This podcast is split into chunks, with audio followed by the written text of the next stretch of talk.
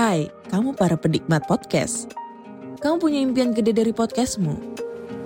Terus First Story bisa banget bantu kamu.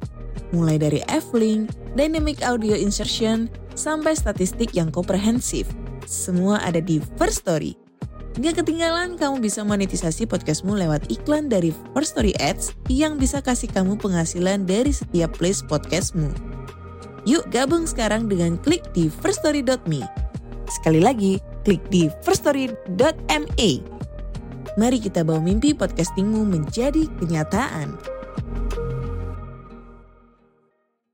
Assalamualaikum warahmatullahi wabarakatuh. Apa kabar Sobat MM? Semoga semua dalam keadaan sehat walafiat. Kami ucapkan banyak terima kasih atas supportnya kepada channel kami. Semoga Anda semua selalu dalam lindungan Allah dan dilimpahkan rezekinya. Amin. Pada malam hari ini, saya Mang Ei dan tim kembali menghadirkan seorang bapak namanya Kang Adi. Beberapa kali melakukan pesugihan dalam kurun waktu 10 tahun. Lebih dari 8 kali ya. Di kisah yang ini, kisah nyatanya Pak Adi, Pak Adi akan menyampaikan pengalamannya di pesugihan yang kedua, yaitu pesugihan Dewi Lanjar. Pak Adi belum bisa berkumpul dengan keluarganya. Jadi, jeda satu bulan setelah melakukan pesugihan Buto Ijo, Pak Adi melakukan kembali pesugihan Dewi Lanjar. Saya makin penasaran dengan kisah Pak Adi ini. Berhasil atau tidak? Sebelum kita mulai ke kisahnya, kita mau bacakan dulu nih komentar dari Anda semua. Kami kumpulkan. Kita pilih beberapa ya. Dari Ade Nuryani Endang. Bapak ini bilang, nah di situlah saya percaya gaib itu ada. Berarti Pak Adi ini tidak percaya kepada gaib, kepada Allah, jin, malaikat dan lain-lainnya. Begitu, gimana ketanggapan Pak Adi? Jadi dalam arti ini bukan tidak percaya gaib ya. Kalau yang namanya Allah, malaikat, jin, itu gaib saya percaya. Cuma yang disimpulkan di sini ini gaib itu dalam arti dunia PS alias dunia pesugihan itu yang awalnya saya tidak percaya. Oh, ya ya oke okay. paham. Berarti bukan karena nggak percaya Allah yeah. atau malaikat atau jin dan yeah. setan. Pada kasus ini tidak percaya dengan adanya pesugihan. Ya ternyata ada. Ternyata ada. Oke baik. Kemudian dari Alfi Sahri katanya mau hidup sama keluarga tapi nyawa sendiri diserahkan error. Untung nggak bisa. Gimana tanggapan Pak Adi? Jadi dari awal karena kesulitan perekonomian dan beban utang untuk membayar serta kehidupan orang tua yang susah, jadi intinya saya merelakan. Walaupun nekat, ya? intinya nekat nyawa saya yang jadi jaminannya. Ya. Yang penting saya bisa membayar utang, mengambil anak, dan membahagiakan kedua orang tua serta keluarga sendiri walaupun saya jadi korbannya diri sendiri nggak masalah yang penting beres semua masalah utang-utang ya. dan beban tersebut oke berarti memang sudah nekat udah. kesimpulannya. Masa bodoh apa pun yang terjadi. Iya. Kemudian dari Tanjila Tanju. Kerja yang mapan dulu baru nikah jangan asal memburu nafsu. Akhirnya diri sendiri kan susah. Udah miskin harta miskin iman pula sampai cari pesugihan. Naujubillah. Gimana jawabnya? Jadi untuk masalah belum mapan saya nikah dikarenakan kan yang namanya urusan jodoh manusia yang tak, tidak tahu itu urusan Allah yang tahu. Hmm. Jadi dalam posisi saya masih kerja saya udah nikah itu dikarenakan didesak ya apakah ada keseriusan atau tidak sama calon istri saya. Terus yang paling utama kan segala sesuatu masalah jodoh juga Allah yang mengatur bukan manusia. Jadi karena karena didesak oleh istri. Iya. Calon istri. Calon istri mendesak. Nah, iya. Padahal mertua calon mertua belum mengizinkan. Belum mengizinkan.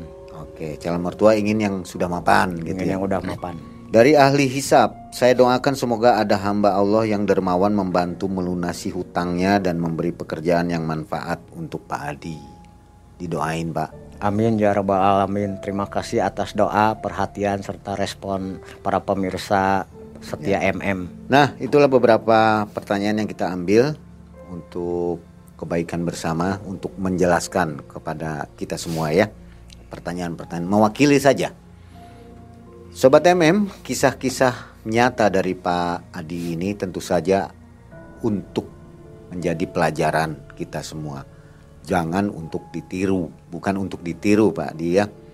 Ini adalah kisah nyata yang Pak Adi alami selama kurang lebih 10 tahun mencari ke sana kemari tempat pesugihan. Kita langsung ke Pak Adi. Pak Adi, kisah yang kali ini di mana nih? Uh, ini kisah yang kedua yang akan saya bawakan ini yaitu PS Dewi Lanjar. Kalau dalam arti orang-orang pesugihan itu PS itu artinya pesugihan. Oh ada singkatan-singkatannya? Ada. Apa aja tuh kode-kode untuk pesugihan? Kode-kode dunia PS begini ya kalau pesugihan itu disebut PS. PS. Ada kode-kodenya itu dengan JA. Kalau JA itu jual anak, mm-hmm. JU jual umur, JK jual keluarga, sama tutup garbo. Yaitu tutup garbo itu menutup rahim istri biar tidak punya keturunan selamanya. Tutup garbo tutup namanya. garbo. Oh, berarti berkabe ya? Iya jadi ditutup sama gaib sampai selamanya tidak akan punya anak. Jadi kalau mau punya anak diambil punya anak diambil. Itu tutup garbo tutup garbo. Ini menarik nih jadi orang yang nggak mau punya anak bisa gitu? Bisa. Jadi pas maksudnya pu, punya anak dulu atau ditutup nggak bisa nggak bisa punya anak. Setelah melakukan ritual tersebut ritual tutup garbo selamanya tidak akan punya anak. Sampai pelaku tersebut meninggal. Oh ringan berarti ya? Ya ringan. Cuman ya berat juga. Ini kan urusannya dengan anak gitu. Tapi anak yang sebelumnya kan sudah lahir. Kalau yang sebelumnya sudah lahir, dalam arti maksud tutup garbo itu ketika ditutup nggak tidak bakalan mempunyai anak selamanya itu ketika sudah melakukan ritual tersebut. Iya. Tapi banyak zaman sekarang orang hanya ingin punya anak dua. Masih ada beberapa karena masalah ritual tutup garbo tidak semua orang tahu. Oh, iya baru denger nih saya nih. Iya. Oke, baiklah. Kita langsung ke Pak Adi dan sebelum nonton video ini silakan Anda nonton video yang sebelumnya. Ini di atas. Silakan Pak Adi. Pesugihan Dewi, Dewi Lanjar. Lanjar.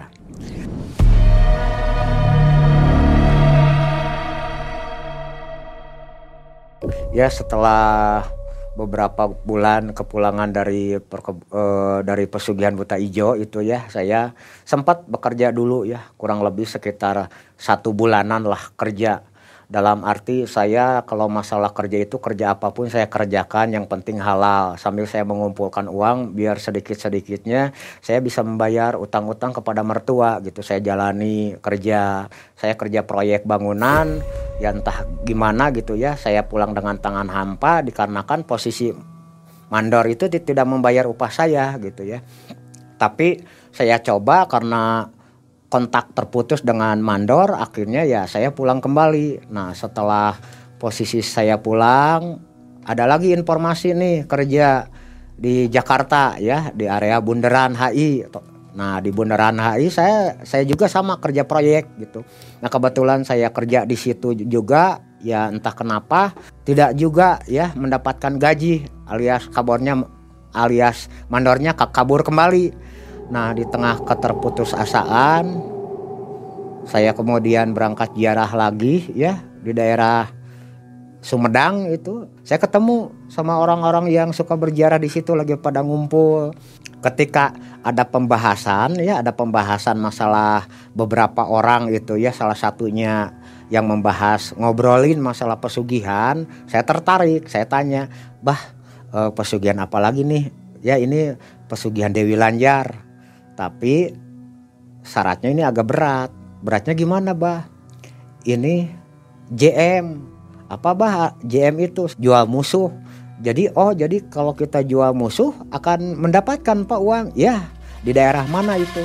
Kebetulan dari beliau memberitahukan bahwa ada salah satu tempat pesugihan Dewi Lanjar ya itu ada dua pertama di pantai ya Jawa Tengah terus yang kedua di daerah Nah, makanya berdasarkan dari informasi tersebut akhirnya saya bertanya lagi, "Bah, tapi tata cara ritual itunya di sana itu gimana gitu ya?" Nah, si Abah itu mencari ketakan, tata cara ritualnya itu menyembelih kambing katanya. Karena eh, posisi itu saya terbentur dalam masalah keuangan ya, saya berpikir dari mana saya mencari uang untuk menyiapkan syarat-syarat yang nanti akan diminta oleh juru kunci.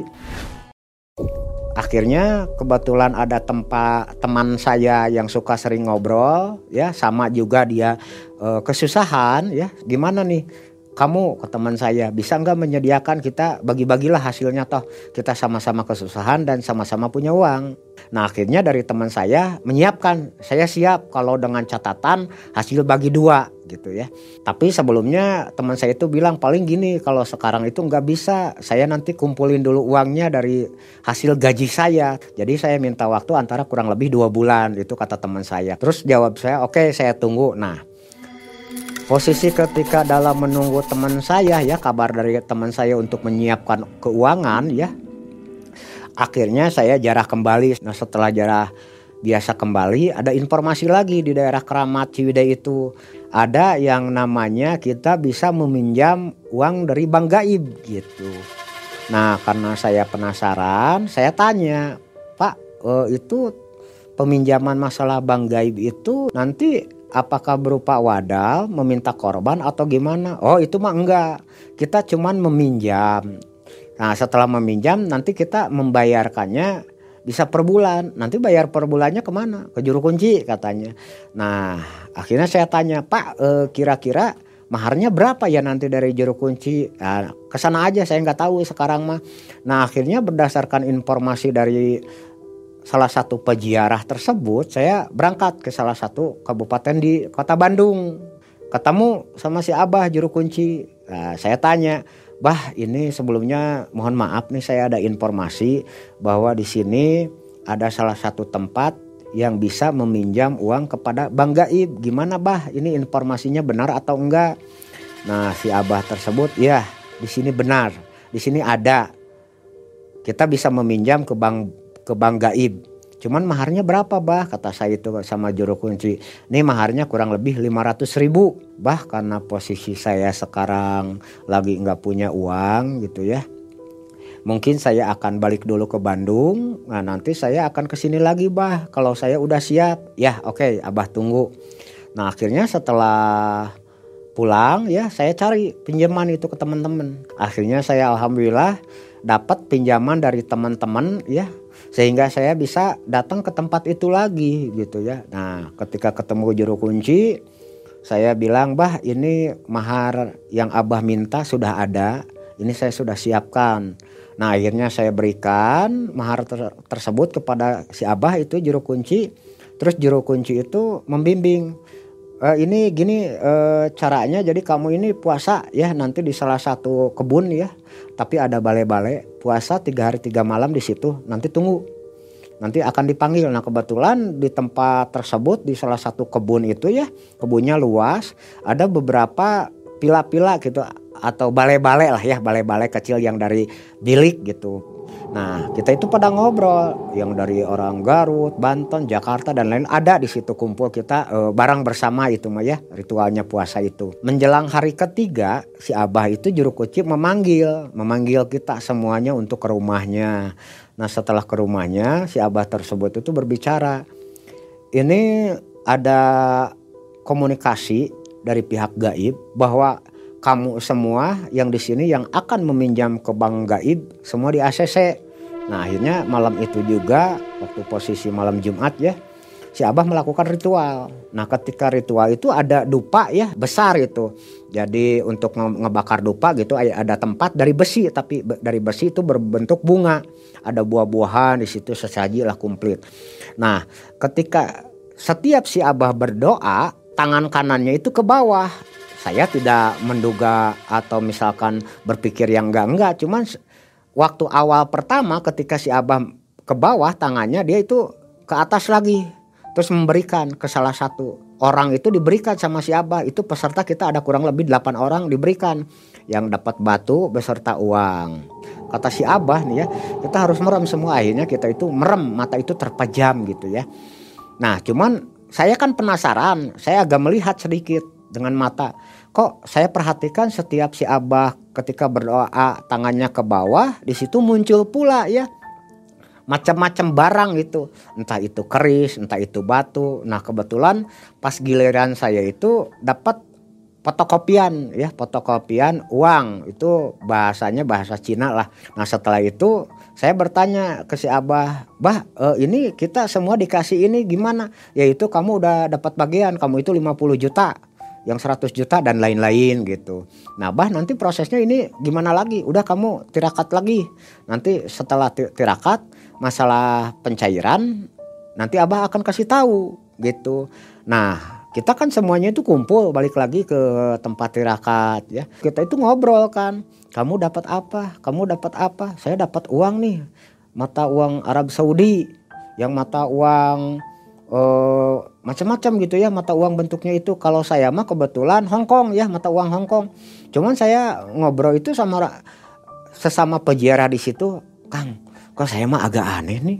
Kenapa anehnya? Ini kan si Abah itu bilang dari alam gaib. Iya tapi kok ini berbentuknya bisa fotokopian? Terus ada tanda tangan kayak tanda tangan pensil gitu ya yang menurut saya dulu pengalaman turun ini masalah gaib. Saya juga kan dulu itu pernah ya nggak ada yang namanya di alam gaib itu fotokopian mata uang rupiah. Itu semuanya uang rupiah nggak ada fotokopian. Nah di situ akhirnya rame lah desas desus desas desus kita ngobrol sama masyarakat di situ.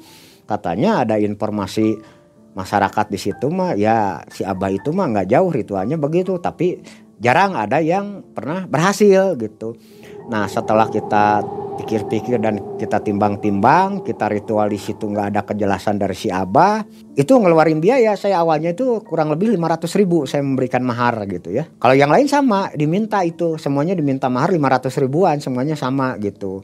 Tapi ujung-ujungnya apa yang dijanjikan ke si Abah ya? Yang satu mendapatkan pinjaman 100 juta, yang 70 bahkan saya 50 juta ya? Tidak terbukti gitu. Kita itu sebetulnya mau berontak di situ cuman kita melihat juru kuncinya sudah tua kita nggak enak ya anggaplah kita ikhlasin gitu ya. Jadi kita pulang. Nah setelah pulang ke rumah masing-masing nah, saya ada kabar kembali di tempat ziarah coba Kang daripada akan mengikuti jalur PS pesugihan yang gak jelas nih ada informasi ke saya informasi apa informasi itu ada salah satu padepokan di daerah Jombang. Padepokan tersebut bisa e, membantu untuk permasalahan ekonomi baik itu membayar utang dan lain-lain. Ya di sana e, padepokan tersebut sudah banyak yang ke sana katanya kata orang peziarah itu. Tapi Kang kira-kira mahar nanti ke padepokan tersebut kira-kira berapa Kang? Yang saya akan tahu? ya kurang lebih antara 500 ribu atau 750 nah akhirnya saya minta alamat alamatnya sama peziarah tersebut. Akhirnya saya coba ya. Nah, kembali lagi. Saya posisinya meminjam uang ke teman-teman jadi di pesugihan ini saya bukan uh, ada solusi untuk melunasi utang ya. Bahkan bertambah itu utang itu bertambah ke teman-teman. Nah setelah datang saya ke padepokan tersebut saya membicarakan permasalahan ini ya permasalahan beban ekonomi utang piutang dan lain-lain. Kebetulan kita saya sendiri ya tidak ketemu sama guru padepokannya langsung ditangani oleh para muridnya akhirnya dimintalah sejumlah mahar tuj- uang itu ya sejumlah 750 ribu. Nah uang 750 ribu itu akhirnya saya berikan. Dari asisten padepokan tersebut ya istilahnya memurid-muridnya ya saya dikasih satu buku ya satu buku jilid merah. Nah setelah saya menerima buku eh, pak maaf ini buku untuk apa? Coba buka. Nah setelah saya buka isinya itu jadi tawasulan semua untuk permasalahan e, barokahnya untuk masalah utang piutang, ekonomi dan lain-lain komplit di situ satu buku itu tebal ya jilidnya merah. Nah terus ini minum sama bapak berbentuk kapsul. Ini untuk apa? Kapsul saya minum. Ini untuk membuka aura. Jadi biar aura negatif yang ada di badan itu keluar semua berganti dengan aura positif. Jadi kalau dengan aura positif banyak di badan, apa yang kita wiridkan, apa yang akan kita amalkan, jadi barokahnya itu masuk. Tapi di sini bapak kalau bisa tiga hari dulu. Nah saya coba saya selama tiga hari tiga malam di padepokan tersebut mengamalkan. Emang setelah saya mau memulai ya e, mengamalkan amalan tersebut, saya minum itu kap, yang berbentuk kapsul saya minum. Nah setelah saya rasakan badan panas gitu ya. Terus saya mengawal, mengamalkan tawasulan dan amalan tersebut saya dawamkan yang ada 3000 kalimahnya itu ya sampai 4000 sampai 5000 sekian lah. Nah setelah tiga hari tiga malam di padepokan tersebut, saya bertanya lagi kepada asisten atau murid padepokan tersebut, Pak ini gimana langkah saya selanjutnya? Nah nanti Bapak di rumah aja diamalkan, nanti setelah diamalkan, insya Allah akan datang rejeki dari arah yang tidak kita duga-duga gitu ya bilangnya. Makanya dengan keyakinan tersebut saya pulang. Ketika pulang sama saya sesuai anjuran pada epokan tersebut ya selama tujuh malam saya kerjakan itu yang namanya sholat hajat, sholat istiqoroh, dikir ya, sholawatan saya kerjakan itu selama tujuh malam. Nah setelah tujuh malam saya kerjakan tuh ya nggak ada reaksinya. Ya saya juga nggak tahu kenapa padahal amalan yang saya sudah lakukan, saran-saran yang pada epokan tersebut disarankan kepada saya, saya sudah lakukan. Tapi entah kenapa nggak ada solusi untuk masalah saya yang saya hadapi. Di balik keterputus asaan saya, udah pusing saya. Saya coba kembali lagi mencari informasi. Kembali lagi ke tadi awal saya ketemu sama si Abah yang memberitahukan masalah pesugihan Dewi Lanjar. Akhirnya setelah lewat dua bulan, saya datang ke teman saya yang siap untuk mendanai keberangkatan ke pesugihan Dewi Lanjar. Nah setelah ketemu sama teman saya, gimana Kang? Udah ada belum nih persiapan uang untuk persiapan kita turun ke pesugihan Dewi Lanjar? Ya kita udah, saya udah siap kata kawan saya itu. Tapi ini sepakat ya Kang ke saya itu sepakat gimana nanti kalau berhasil kita akan kita bagi dua nih hasilnya oke sepakat nah akhirnya sesuai waktu yang ditentukan kita berangkat nah berdasarkan waktu dulu informasi dari si Abah tersebut bahwa pesugihan Dewi Lanjar itu ada tua tempat itu terserah mau tempat yang mana ya kita majunya itu ada pantai ada juga eh, keramat sumur. Nah ceritanya ketika kita sudah siapkan persiapan kita, kita berangkat. Nah setelah kita berangkat naik bis ya, itu kebetulan eh, donatur yang pendana saya itu menyiapkan membawa uang itu untuk pembiayaan di sana dan ongkos-ongkos membawa uang kurang lebih sekitar 6 juta itu. Setelah sampai Petarukan ya kita berhenti. Kebetulan di daerah pasar Petarukan itu kan banyak ojek ya. Saya tanya Pak tolong diantar nih ke juru kunci keramat sumur akhirnya kita berdua naik ojek nih kita nyampe lah di rumah juru kunci tersebut nah ketika saya uluk salam assalamualaikum waalaikumsalam kebetulan ada juru kuncinya saya bertanya ke juru kunci pak eh, ini kebetulan saya ada informasi nih untuk kalau informasi ke saya itu bisa dari Ibu Ratu Dewi Lanjar nih bisa meminjamkan uang nih kepada kita dari Bank Gaibnya. Kebetulan saya ada minat nih. Juru kunci bertanya, e, "Bapak dari mana?" Saya kebetulan kami berdua dari Bandung. Nah, secara tidak langsung langsung di situ juga juru kunci. Di sini memang ada ya peminjaman uang gaib kepada Ibu Hajah Dewi Lanjar. Tapi sudah siap tidak? Sudah siap apanya? Pak, di sini itu sebetulnya peminjaman dari Ibu Haja Dewi Lanjar ya. Tapi dengan jaminan jual musuh. Oh, jual musuh. Ya berarti berdasarkan informasi awal yang saya terima dari peziarah gitu ya. Pak udah aja kebetulan saya banyak dihina Pak oleh kakak ibu saya. Walaupun mentang-mentang orang berada saya udah dendam banget sama kakak ibu saya. Akhirnya kakak ibu saya yang saya ajukan untuk dijual ya dengan proses ritual JM di uh, tempat ritual sumur tersebut. Ya uak mungkin ya kalau kakak ibu saya. Nah setelah disepakati, oke okay, nanti akan dimulai ritual malam. Tolong uh, siapkan mungkin sudah awalnya sudah tahu untuk menyembelih. Nah akhirnya teman saya yang memberikan uang, memberikan uang teman saya bilangnya sekitar kurang lebih sekitar memberikan uang 2 juta setengah gitu ya. Entah gimana itu entah dibeli kambingnya atau gimana nggak tahu saya ya entah dibeli atau tidak. Yang tahu-tahu ketika memberikan uang kita disuruh ke keramat. Nanti kambingnya akan dibawa ke keramat katanya gitu. Nah setelah kita ke keramat ya posisi itu di depan itu kan ada tembok ya gubuk itu tapi berbentuk tembok. Nah di depannya itu ada sumur. Di bawah itu ada sumur. Terus di depan depannya ada berbagai tumbuhan. Dan di sebelah kiri saya itu pantai ya pantai utara pantura gitu. Nah kita melakukan ritual di situ malamnya. Tak ketika kita melakukan di situ malamnya nah mungkin ada badai isa juru kunci tersebut datang. Datang disertai dengan asistennya membawa makanan ya di piring yaitu kambing. Berbicara itu juru kunci. Nah ini posisi kambing kita belikan tadi kita sembelih kita berikan e, sedekahnya sama penduduk nah ini sisanya saya makan di situ sate kambing itu ya nah setelah saya makan pak ini nanti kalau udah makan begini apa yang saya harus lakukan di sini? Nanti kamu berdua di sini harus wirid surat Al-Ikhlas.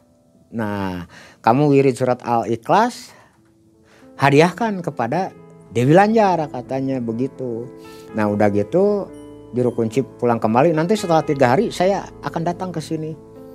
Nah, setelah tiga hari saya tiap malam itu saya lakukan apa yang dianjurkan oleh juru kunci. Dengan teman saya itu saya dikir gitu ya surat al-ikhlas sebanyak-banyaknya sampai sengantuknya. Ketika malam pertama saya berdikir kebetulan di situ hanya ada saya dan teman saya berdua gitu ya gangguan gaib itu nggak ada gitu ya penampakan itu. Tapi yang namanya suara-suara itu ada ke tembok itu kayak mukul jeleger jeleger gitu ya suara yang jalan. Nah akhirnya setelah posisi kita tiga malam di situ, tiga hari tiga malam di situ, saya cuman dikasih mimpi ya, kayak mimpi kan tertidur ya, mimpi saya melihat salah satu keraton di mimpi itu keraton, tapi di depan keraton tersebut saya cuman bisa melihat itu ada berbentuk keraton di depan keraton itu banyak perahu-perahu besar gitu, perahu-perahu pesiar di mimpi saya itu. Tapi kayak ini perahu-perahu sekarang gitu ya, mewah gitu, pesiar kayak kapal pesiar lah gitu. Cuman saya tidak ada yang membawa, cuman dikasih lihat itu aja. Pas hari ketiga ketika juru kunci datang, nyuruh ke rumahnya bertanya kepada saya dan teman, "Kamu selama melakukan ritual tersebut melihat apa aja atau ada yang datang siapa aja?" Nah, saya jawab, "Saya bermimpi. Bermimpi melihat salah satu keraton ya. E, gapuranya itu besar gitu ya pokoknya mah mewah itu keraton ya. Yang tidak saya lihat di alam dunia ini pak. Cuman di depannya ada seperti e, pelabuhan dermaga gitu ya. Ada dermaga banyak perahu-perahu seperti perahu mewah kapal pesiar begitu pak. Nah akhirnya saya menceritakan tersebut. Oh itulah kerajaan Dewi Lanjar kata juru kunci itu. Kamu baru diperlihatkan depannya aja kamu belum dibawa. Katanya nanti juga kamu akan dibawa ke keraton tersebut. Itu kata juru kunci. Setelah ini gimana pak? Nah nanti ya kamu pulangnya di sini nanti kamu siapkan salah satu kamar kosong. Kursi dua meja satu terus lemari kecil ya. Lemari kecil tapi lemarinya itu harus dibuka sama kamu. Harus dipakai kain merah berwarna merah ya kain berwarna merah. Nah posisinya jadi ini meja kursi posisi lemari itu di belakang kursi. Saya tanya kepada juru kunci pak ini fungsi meja kursi dan lemari itu untuk apa? Saya bertanya. Akhirnya juru kunci tersebut memberitahukan bahwa posisi daripada harus adanya bangku kursi dua itu nanti kita akan tanya jawab dengan langsung Dewi Lanyar yang datang. Begitu katanya. Nah akhirnya nanti setelah itu gimana Pak? Pokoknya kamu selama tujuh hari lakukan ritual di kamar tersebut entah siang entah malam kamu itu jangan lepas ya.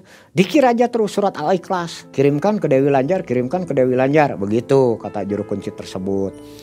Nah setelah posisi pulang nih kita pulang ke Bandung. Saya sama teman saya ketika kita pulang ke Bandung saya bertanya ke teman saya kamu kira-kira di daerah rumah kamu itu gimana? Ada kamar kosong nggak? Ini kita harus punya kamar kosong nih karena diberikan ya sama juru kunci itu untuk melakukan ritual dan bacaan-bacaan itu ada e, selembaran ya selembaran untuk tata cara kita ritual gitu ya.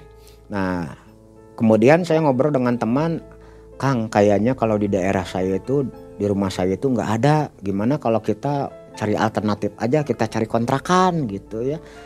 Nah, saya kepada teman saya nanti untuk posisi membayar kontrakannya gimana? Kata teman saya, biar urusan itu mah saya yang tanggung jawab, saya yang nanggung katanya. Toh ini kan gak lama itu juru kunci bilangnya ki cuman nanti e, ritual satu bulan kita sudah ada hasil gitu.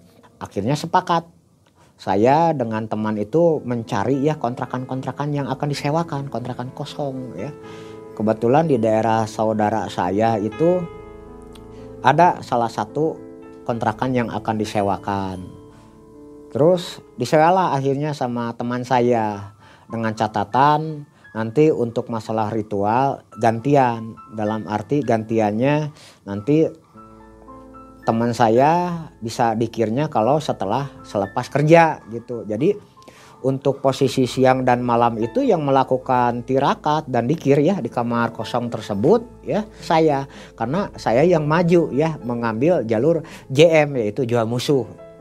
Nah, ketika malam pertama menyiapkan sesaji ya jadi sesaji itu disiapkan itu sampai tum, e, buah-buahan itu harus semuanya tujuh rupa ya kayak sawo, belimbing, buah, rambutan yang begitu pokoknya buah-buahan itu tujuh rupa. Nah rokoknya rokok perahu, perahu layar, cap merek perahu layar dan tehnya teh manis serta susu kita siapkan di meja. Nah di meja kita siapkan ketika memulai ritual saya posisi menjelang maghrib saya dikir itu bersila Nah, ketika malam pertama saya melakukan ritual dikir ya surat Al-Ikhlas sesuai anjuran juru kunci, saya coba. Malam pertama saya dikir, cuman posisi ada suara tengah malam itu sama, suaranya tidak jauh seperti di keramat, yaitu suara hentakan, pukulan ke tembok itu, jelengger, jelengger gitu. Saya sempat kaget gitu ya, sempat kaget Astagfirullahaladzim. Tapi saya sudah bertekad kan karena teman saya sudah mengeluarkan biaya begitu banyaknya. Apa pun saya akan hadapi gitu. Kalau seandainya ada kedatangan daripada gaib yaitu Ibu Dewi Lanjar gitu. Gitu aja. Malam pertama saya lalui seperti itu. Malam kedua sama gitu ya. Malam kedua yang saya lakukan e, ritual sesuai anjuran juru kunci itu sama tidak ada penampakan cuman seperti suara-suara yang hmm, gitu ya di belakang saya itu kayak eh, apa suara berat gitu ya suara berat hmm, begitu.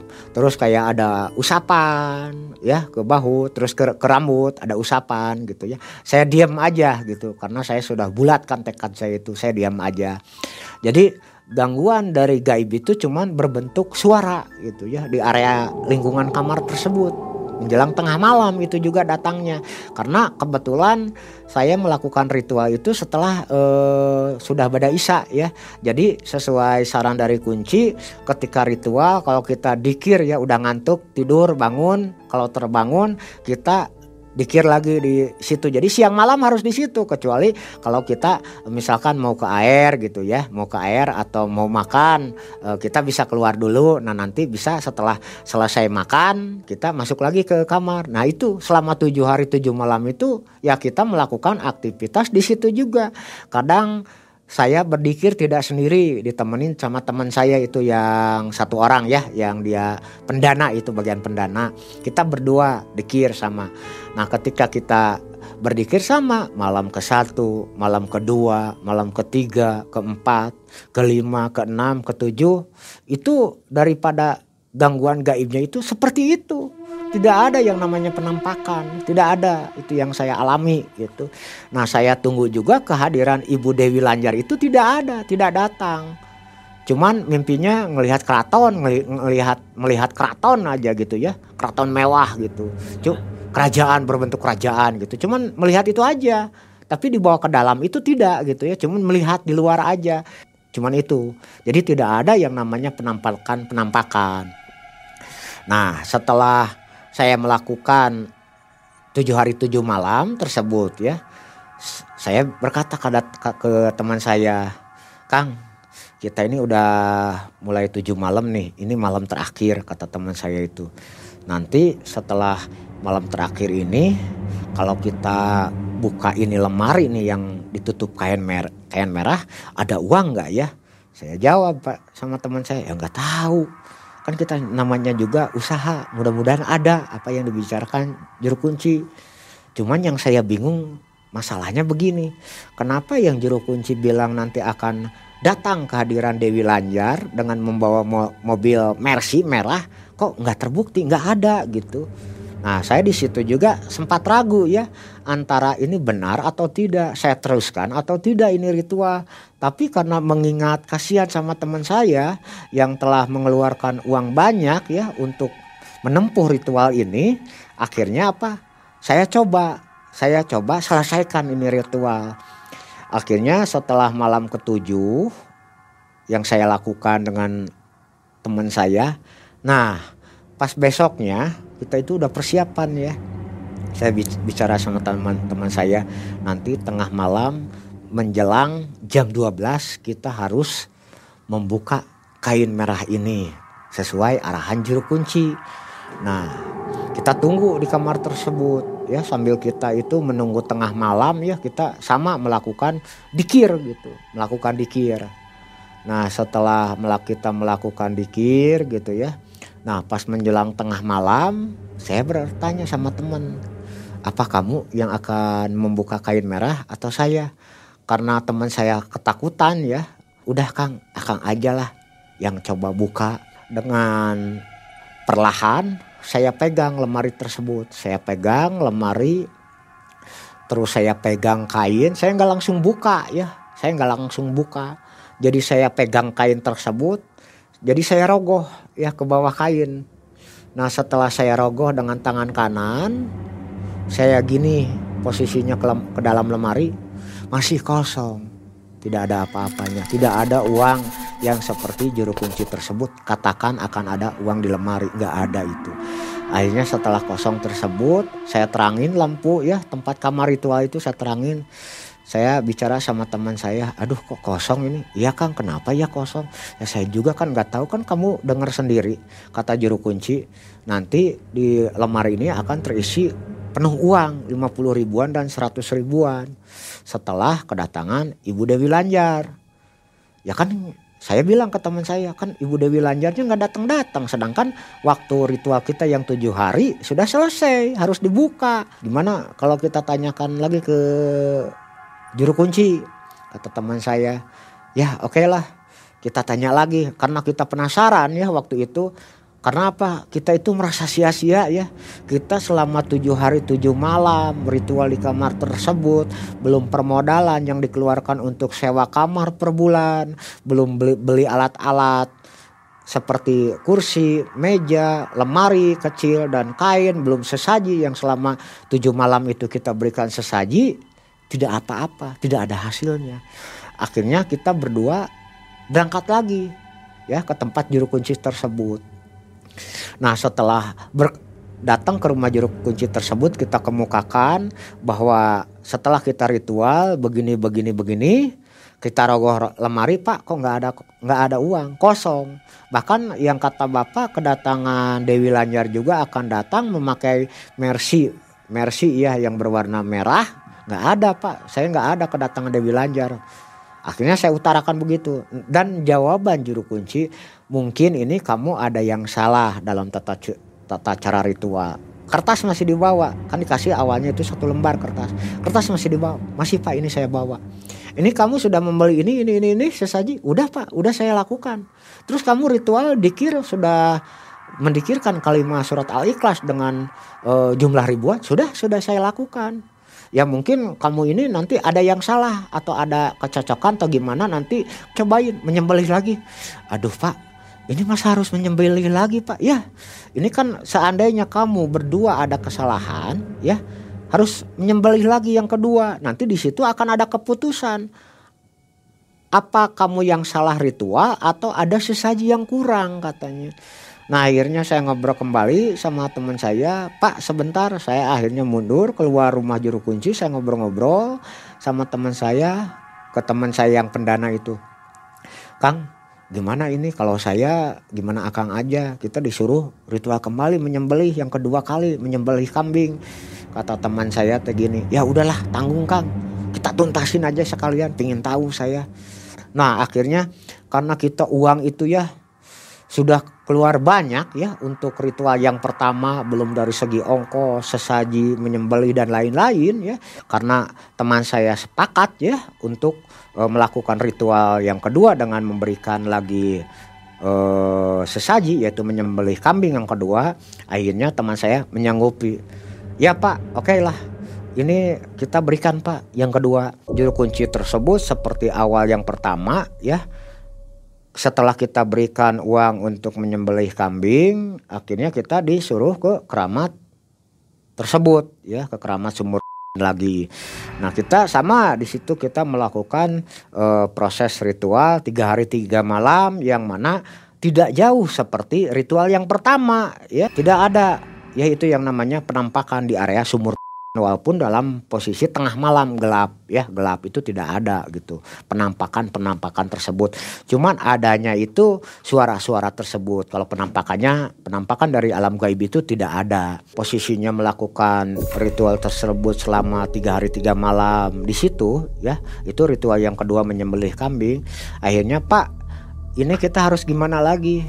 Ya udah sekarang posisi kamu seperti awal mula ya seperti awal mula jadi kamu pulang kembali ke rumah.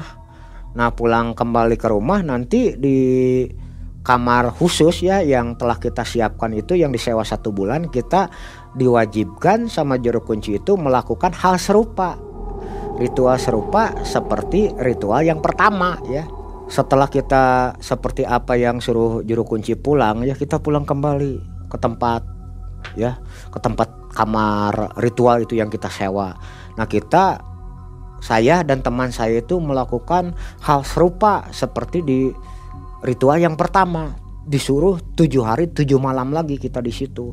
Nah kita kita selama tujuh hari tujuh malam itu di kamar tersebut ya sama kita melakukan ritual memberikan sesaji siang malam kita itu disuruh dikir dikir terus surat al-ikhlas gitu ya ya cuman efek dari amalan yang kita baca mungkin entah dari apa gitu saya juga kurang paham ya. Maklum saya nih baru dua kali turun di dunia pesugihan gitu ya. Kedatangan gaibnya cuman itu itu aja nggak ada penampakan gitu. Jadi uh, intinya kedatangan gaib pas di posisi ritual yang kedua gitu ya yang kedua itu selama tujuh hari tujuh malam ya yang seperti itu. Tidak ada penampakan penampakan nah setelah kita uh, posisinya setelah tamat kita selama tujuh hari tujuh malam kita lakukannya di kamar tersebut. Nah setelah besok harinya saya ke teman kembali.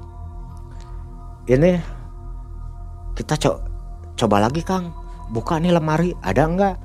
Nanti sekarang kan siang kita harus ikut juru kunci kata saya itu ke teman kita tunggu tengah malam menjelang pergantian jam ya itu jam 12 malam kan disuruhnya membuka lemari tersebut pas jam 12 malam Nah, posisi mendekati jam 12 malam ya sebelum membuka lemari kita tetap wirid dikir gitu ya kita, kita tetap dikir. Nah setelah kita lihat di HP ya lihat di HP menjelang jam 12 malam ketika kita lewat jam 12 malam saya disuruh sama teman ya coba akang yang buka kembali.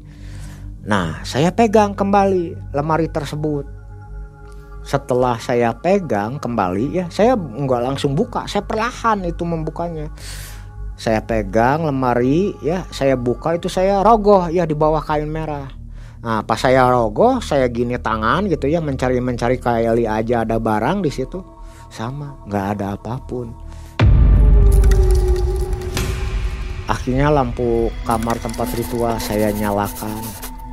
Nah setelah saya nyalakan lemes hati dan badan saya di situ.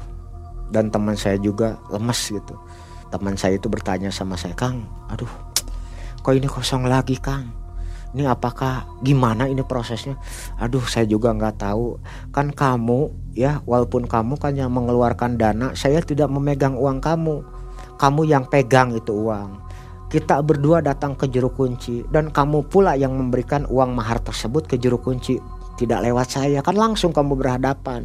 Nah ini kita ketika kita ritual yang kedua kedua kali ya menyembelih dan membuka lemari dengan uh, posisi yang sama seperti ritual yang pertama masih lemari kosong kembali. Saya juga nggak tahu. Nah akhirnya teman saya coba kan gini aja. Kita coba tanyakan lagi ke juru kunci. Akhirnya saya datang lagi ke juru kunci keramat sumur saya datang lagi ke situ saya jelasin hal serupa begini begini begini. Terus juru kunci itu bertanya nah ketika kamu sebelum melakukan dikir kamu sudah meminta? Ya saya sudah meminta apa yang bapak sarankan saya sebutin ke ibu Dewi Lanjar bahwa meminta ya istilahnya mah meminjam uang dengan jaminan musuh yaitu kakak ibu saya ini apalagi Pak teman saya kasihan sudah mengeluarkan dana yang begitu besar. Belum capek waktu kita siang malam ritual di tempat tersebut. Belum di sini tiga hari tiga malam. Dua kali ritual Pak sudah banyak terbuang waktu kita Pak.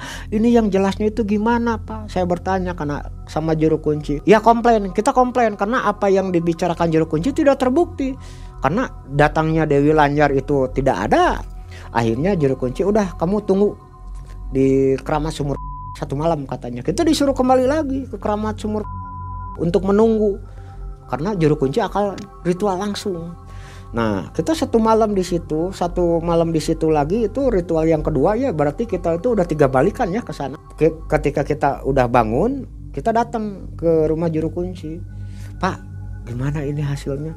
Oh ya gini, kamu sudah ada kepastian, ada komunikasi kontak langsung saya dengan Dewi Lanjar kata juru kunci itu. Kamu tinggal ritual lagi ke gedung batu. Aduh bah gedung batu daerah mana kan? Kita nggak tahu bah. Itu di daerah Semarang. Kamu datang aja ke, gedung batu karena di situ bang gaibnya Dewi Lanjar tempatnya di situ. Kamu harus lakukan ritual lagi di situ. Bilang aja ke Jalan Banteng. Nah di situ kamu tanya aja gedung batu toh pada tahu di sana? Begitu kata juru kunci Nah karena kita dari Bandung kita, kita tidak tahu akhirnya kita bertanya-tanya kita naik bis akhirnya kita sampailah di Semarang ya di terminal Semarang itu. Nah ketika di terminal Semarang saya sesuai arahan juru kunci ya karena kebetulan di situ sudah menjelang posisi sore hari ya sudah karena juru kunci itu memberikan informasinya kita harus naik beca ya saya akhirnya nanya sama tukang beca kan di luar terminal itu ada ya. Saya tanya Pak uh, tolong bisa diantar ke gedung batu enggak oh iya bisa kata tukang beca tersebut. Berapa Pak ongkosnya? 50 ribu. Aduh Pak mahal banget nih 50 ribu. Kalau di daerah saya di daerah Bandung nggak ada nih beca yang nyampe 50 ribu. Tapi kata tukang beca tersebut jauh Pak ini tempatnya. Oh jauh ya nggak apa-apa lah. Akhirnya saya beserta teman saya itu naik beca. Emang perjalanan sangat jauh itu dari terminal Semarang itu ya. Karena dalam perjalanan itu naik beca jauh, kita kan kasihan ya sama si bapak tukang becanya kasihan sambil kita e, bersedekah. Pak, udahlah, Pak ini perjalanan masih jauh, ya masih jauh. Ya udah aja kita makan, kita makan dulu bapak makan dulu dan minum dulu. Kasihan kita sama si bapak tukang beca itu akhirnya makan. Nah, akhirnya kita kasih makan. Nah, setelah selesai makan, ngopi ngerokok, ya mungkin adalah sekitar satu jaman. Kita lanjutkan perjalanan kembali dengan naik beca. Nah, setelah kita lanjutkan perjalanan, si bapak yang tukang beca itu bilang, ini udah sampai ini gedung batu.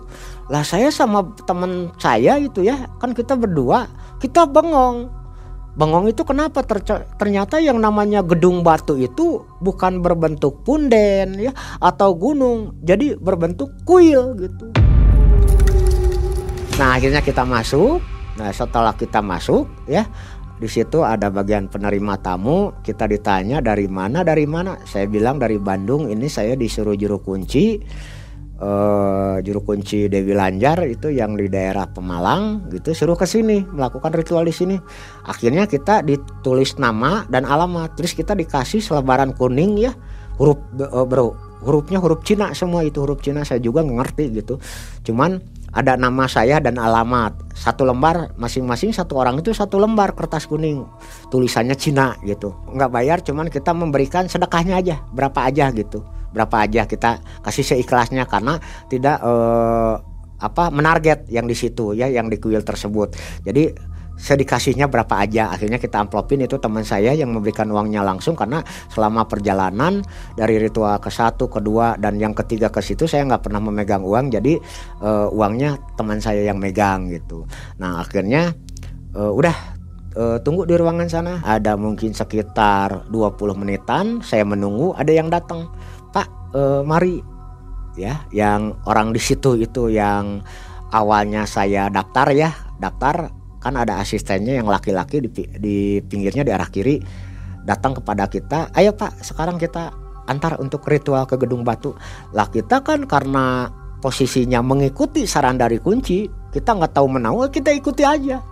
Nah setelah kita ikuti yang lebih kaget lagi saya ketika memasuki salah satu ruangan ini pak gedung batu. Saya bengong itu sama teman saya. Bengongnya nggak nyangka di dalamnya itu jadi ada salah satu ruangan yang ber AC ya banyak patung di situ. Ada Dewi Kwan Im Dewa Jurumudi di situ komplit patung-patung tapi pakai kaca ya pakai kaca. Dan di ruangan itu kayak ruangan kantor aja pakai etalase ya di kaca etalase terus ada AC ada AC kayak seperti kantor aja. Nah akhirnya Pak sebentar terus tata cara ritual di sini gimana? Ya harus sembahyang. Oh maaf Pak. Saya agama agama Islam saya Muslim Pak. Nggak bisa saya untuk sembahyang. Wah kalau bapak tidak bisa sembahyang di sini ya terpaksa. Bapak harus mundur. Balik lagi katanya. Nah saya kan di situ jadi antara frustasi ya. Capek lelah. Kok dari ritual yang sudah menghabiskan waktu dan biaya kok berakhir di gedung batu saya nggak nggak habis pikir itu akhirnya sama teman saya memutuskan tidak mau sembahyang kita balik lagi ke rumah juru, juru kunci. Nah, karena kita posisinya sudah kemalaman ya, sudah kemalangan kemalaman untuk menuju rumah juru kunci kembali ya. Kebetulan bis sudah pada habis. Nah, akhirnya kita begadang di situ di area kuil ya di luar. Ya itu sama penjaga kuil tersebut nggak apa-apa kita begadang di area luar kelenteng gitu ya. Pihara itu bentuknya ya kalau di kita mah kelenteng lah menunggu hari besok untuk menanyakan hal hal serupa ke juru kunci gitu. Nah, ketika besok harinya saya datang lagi dengan teman saya. Pak, ke rumah juru kunci tersebut apa yang Bapak sarankan dari awal ritual pertama, kedua, terus kedatangan kita yang ketiga kali ke sini sampai kita menuju ke gedung batu. Bapak tahu nggak gedung batu itu apa? Juru kunci bertanya, iya itu, itu banknya Dewi Lanjar. Bapak pernah nggak ke gedung batu? Kata saya itu ke juru kunci. Saya belum pernah, cuman yang saya tahu di situ banknya. Saya bilang, Pak tahu nggak? Itu gedung batu itu kuil Pak, kelenteng kalau di kita itu. Banyak di situ patung-patung Pak. Saya dan teman saya disuruh nyembah di situ kepada patung-patung ya saya menolak Pak sama teman saya.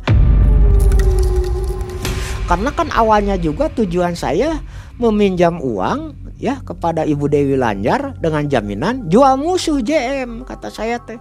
Kok akhirnya berujung ke kelenteng disuruh menyembah kepada dewa-dewa. Dewa-dewi di situ banyak patung-patung. Akhirnya kita menolak.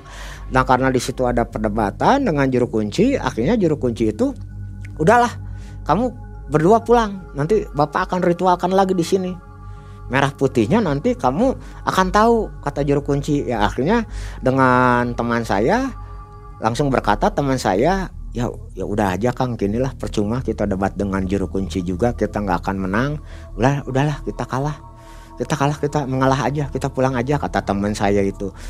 Saya berbicara udah kamu keluar dulu ayo kita keluar. Saya akhirnya keluar ke rumah ke luar rumah juru kunci. Pas sebentar kata saya. Saya mau ngobrol sama teman saya. Tuh gimana? Saya nggak enak sama kamu. Kamu sudah mengeluarkan uang besar untuk mahar, belum untuk transportasi, belum untuk makan kita selama di keramat, belum uang yang keluar untuk sewa bulanan. Ah, pokoknya udah banyak biaya yang keluar. Teman saya kasihan kan saya. Saya di situ timbul rasa bersalah gitu ya. Rasa bersalah itu jadi akibat saya mengajak teman saya apa yang dicita-citakan tidak berhasil malah uang habis gitu teman saya mengikhlaskan udah kang gini aja toh awalnya juga sama lah saya bilang begitu tuh sama teman itu sambil menangis ya karena di situ rasa perjuangan saya gitu ya. Rasa perjuangan saya. Terus saya meminta bantuan teman-teman ya yang ritual untuk menyediakan dana sudah tersedia. Tapi akhir dari perjalanan ritual tersebut tidak seperti apa yang diinginkan. Gagal gitu. Nah akhirnya karena di tempat ritual tersebut ya kita masih ada waktu posisi mungkin lebih kurang lebih empat hari ya empat hari di situ. Sebelum kan kita nyewa satu bulan tuh satu bulan. Nah sebetul sebelum berakhirnya satu bulan ada empat waktu empat hari lagi waktunya sebelum habis tuh masa kontrakan. Akhirnya saya ke teman saya udahlah saya coba kan ini ada empat hari lagi. Saya coba lakukan saya sendiri. Ya akhirnya saya sendiri. Di situ teman saya ya udah kang gini aja. Akang udah jangan jadi beban. Itu uang yang saya keluarkan saya juga sama kan awalnya punya beban dan punya utang piutang ingin ada solusi bisa membayar utang dan ikut mensejahterakan keluarga kerja kurang gimana kerja tapi tetap apa yang dicita-citakan tidak tercapai. Akhirnya teman saya menyerah dia mundur. Untuk menyelesaikan tersebut ritual tersebut silahkan akang aja. Ada waktu empat hari. Nah setelah teman saya menyatakan diri untuk mundur, saya lakoni di situ sendiri. Saya berdikir kembali surat Al-Ikhlas itu. Dikir kembali sampai saya ribuan itu. Sudah tidak terhitung banyaknya. Sampai ngantuk tidur di situ bangun dikir kembali gitu kerjaan saya selama empat hari empat malam dengan harapan ya ada datang itu Ibu Dewi Lanjar coba kalau sendiri datang enggak gitu. Nah akhirnya setelah empat malam saya lakukan dikir di kamar khusus tersebut ya. Menjelang masa habis sewanya satu bulan ketika saya lakukan dikir pas posisi di hari ketiga tiba-tiba di ruangan saya tempat dikir itu bergemuruh angin gede banget. Angin gitu. Pokoknya gede banget. Padahal di satu ruangan itu nggak ada kaca itu nggak ada kaca. Jadi ada kaca juga sengaja ditutup rapat. Jadi kalau kaca itu kan ada ini kaca itu ada jendelanya ya ditutup rapat nggak mungkin ada angin masuk gitu. Udah ditutup rapat terus pakai hordeng gitu ya. Pakai kain gitu kain gorden gitu ya. Ditutup. Nah begitu bergemuruh angin itu kayak banyak suara di situ. Rame yang ngobrol gitu. Yang ngobrol tapi nggak jelas gitu suaranya itu. Jadi kata-katanya itu nggak jelas tapi rame yang ngobrol. Arah kanan saya itu. Wah ngobrol gitu kayak orang ngobrol tapi tidak jelas jelas. Nah di situ saya yang tadinya pak patah semangat ya mendengar kedatangan gaib tersebut tiba-tiba saya semangat kembali. Ah mungkin ini detik-detik akan datang Dewi Lanjar. Ya, nah saya saya begitu langsung yang tadinya posisi saya berdikir sudah putus asa sudah tidak semangat lagi saya posisi menyender begitu banyak suara kan saya jadi tegak kembali dengan harapan Ibu Dewi Lanjar akan datang. Mata terbuka melihat ada suara atau arah mana pun itu kedatangan suara saya liatin. Gagang pintu udah mulai kucrak kucrak kucrak kucrak. Kursi di depan saya udah ada yang geser kanan, geser ke kiri, ke depan saya, ke belakang. Meja udah wah, udah bergetar aja meja juga. Bahkan lemari di belakang saya itu juga kan kita belum buka ya, bergetar. Bergetar semuanya. Nah saya merasakan sensasi kedatangan gaib itu, wah ini kencang banget nih. Ternyata setelah uh, gagang pintu ke bawah, ke atas, ke bawah, ke atas, diam lagi. Nggak ada apa-apa yang terjadi. Suara angin yang tadinya bergemuruh nggak ada. Akhirnya karena lelah, capek dan ngantuk, akhirnya saya tidur.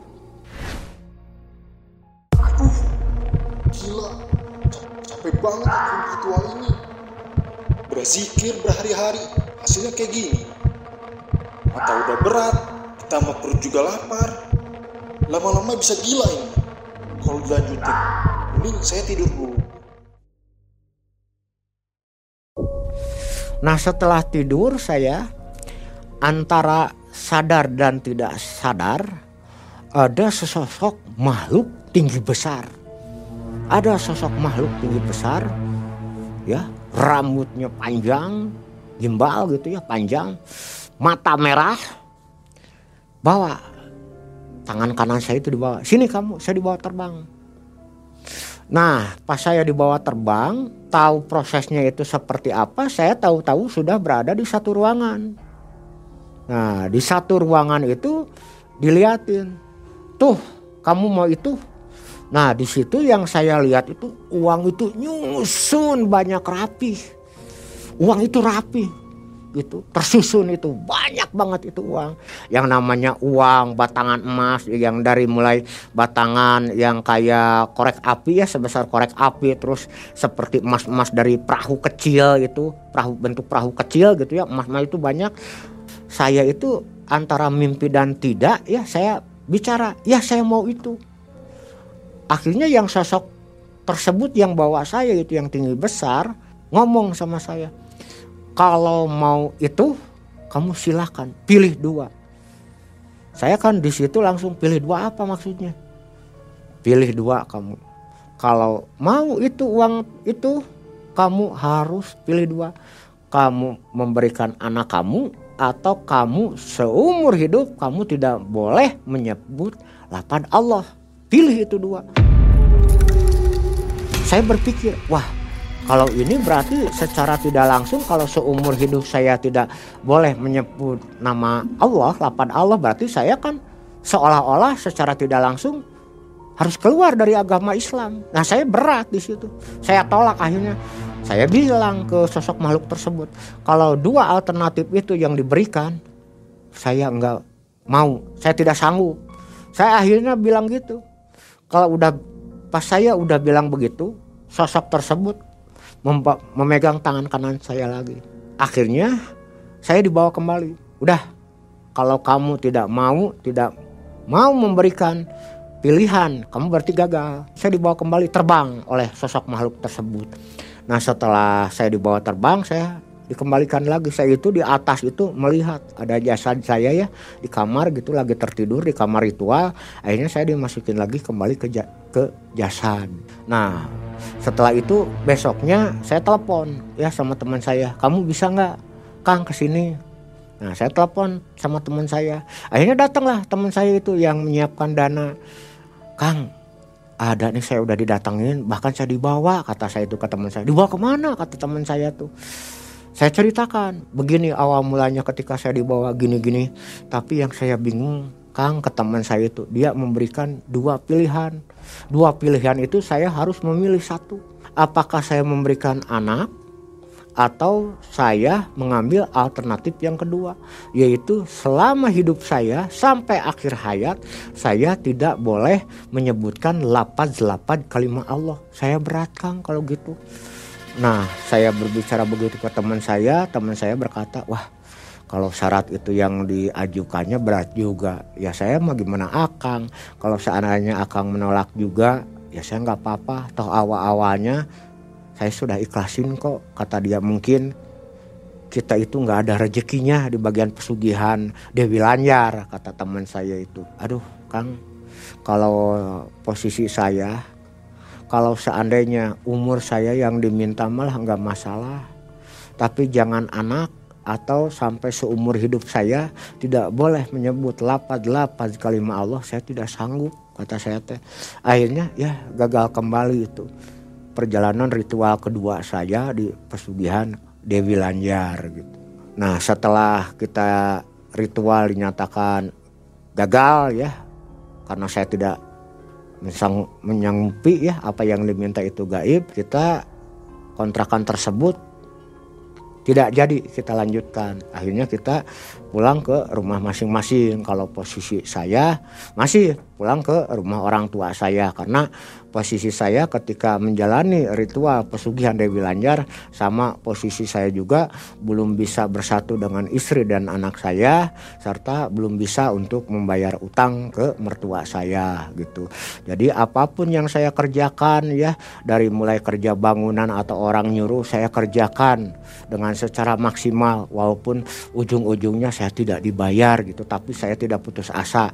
Saya tetap ya bekerja dan tetap saya akan mencoba dunia-dunia pesugihan yang lainnya karena jiwa saya masih penasaran gitu. Jiwa saya itu penasaran mudah-mudahan suatu saat nanti ada tempat PS pesugihan yang bisa kita memberikan tumbanya itu nyawa saya sendiri bukan orang lain.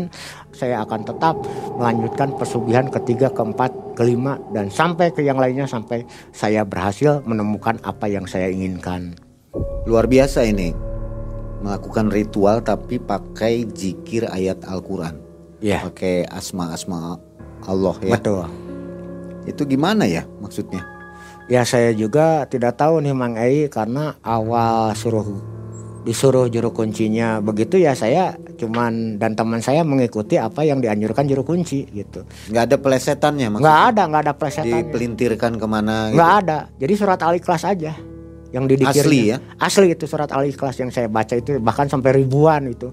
Sampai di atas 3000 hawanya kan ngantuk berat itu.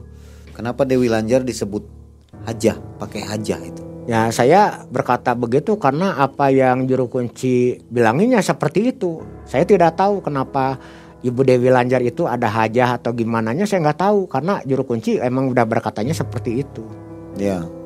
Setelah gagal ritual pesugihan jual musuh ke Dewi Lanjar, ada niat lagi untuk melakukan Ada perjalanan pesugihan. ada saya masih ada niat saya karena pertama apa yang saya cita-citakan belum tercapai ingin membayar semua utang ke mertua mer- ke mertua saya ingin saya menyenangkan istri dan anak saya serta membahagiakan kedua orang tua saya. Sebelum tercapai hal itu tetap saya akan lakukan mencari pesugihan Pesugihan, pesugihan ya. yang lain dan tetap karena saya masih penasaran gitu masih penasaran dalam arti masih penasaran itu ingin sejauh mana ini pesugihan-pesugihan apa aja nanti yang ada saya akan eh, tetap jalani akan saya tetap kejar sampai cita-cita saya berhasil gitu Jadi setelah ini masih ada kurang lebih ada tujuh, sekitar tujuh. 8 9 bahkan 10 pesugihan ada setelah kisah setelah yang ini. ya ini pesugihan kedua ini luar biasa.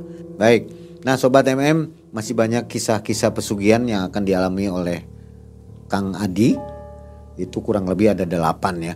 8 Jadi 9 kurang lebih lah sekitar kurang lebih sepuluhan lah simak terus video dari MM yang akan menampilkan Kang Adi sampai pesugihan berakhir nanti. Apa berhasil atau tidak saya juga tidak tahu. Silahkan ikuti kisahnya. Begitu saja. Sampai jumpa video selanjutnya. Saya Mang Ei. Assalamualaikum warahmatullahi wabarakatuh. Waalaikumsalam warahmatullahi wabarakatuh